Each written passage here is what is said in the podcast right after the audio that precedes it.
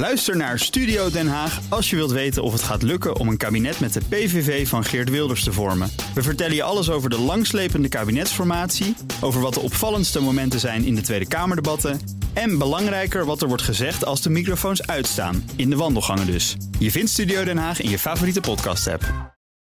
De column van Jaap Jansen. Nu het regeerakkoord van Rutte 4 bijna af is, moeten we nog even stilstaan bij de grote verdwijntruc die in de laatste fase van deze kabinetsformatie heeft plaatsgevonden. Toen informateur Johan Remkes op 30 september zijn eindverslag presenteerde en ook nog toen het informateursduo Remkes en Wouter Koolmees op 18 oktober zijn laatste tussentijdse persconferentie gaf, bevatte hun gereedschapskist allerlei instrumenten om een nieuwe bestuurscultuur vorm te geven.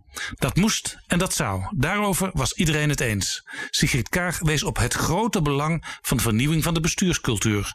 Gert-Jan Segers wilde daar goede afspraken over. Popke Hoekstra zwaaide met het boekje van ex-CDA Pieter Omtzigt, waarin tal van ideeën stonden die nog altijd van belang waren. En Mark Rutte was sowieso sterk gemotiveerd, want die zat eerder al boordevol radicale ideeën juist op dit terrein. Daarna gingen de luiken dicht en vond de grote verdwijndruk plaats. Er komt geen extra parlementaire constructie met partijen die volledig aan het kabinet deelnemen en partijen die op onderdelen gedogen. Er is ook niet, zoals geopperd, over delen van het akkoord met andere partijen onderhandeld.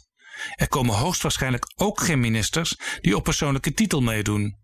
Er komt zelfs geen dun regeerakkoord waarin voornamelijk, ik citeer opnieuw Remkes, het wat zou staan, waarna gedurende een aantal weken de nieuwe ministers het hoe nader zouden invullen, met daarna nog heel veel ruimte voor overleg met de Kamer.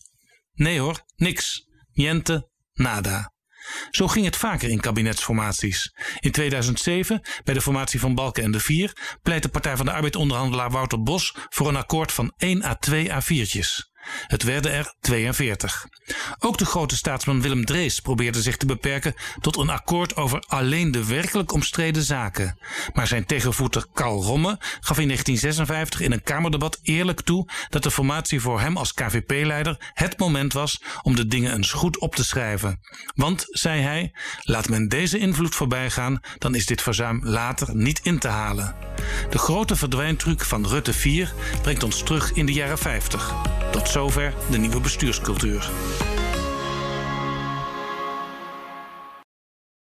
Ook Liesbeth Staats vind je in de BNR-app. Ja, heel handig. Luister live naar Kees en mij tijdens de Daily Move. Dan blijf je ook gelijk op de hoogte van breaking news en het laatste zakelijke nieuws. En daar vind je ook alle BNR-podcasts, waaronder de Perestrooikast. Download nu de gratis BNR-app en blijf scherp.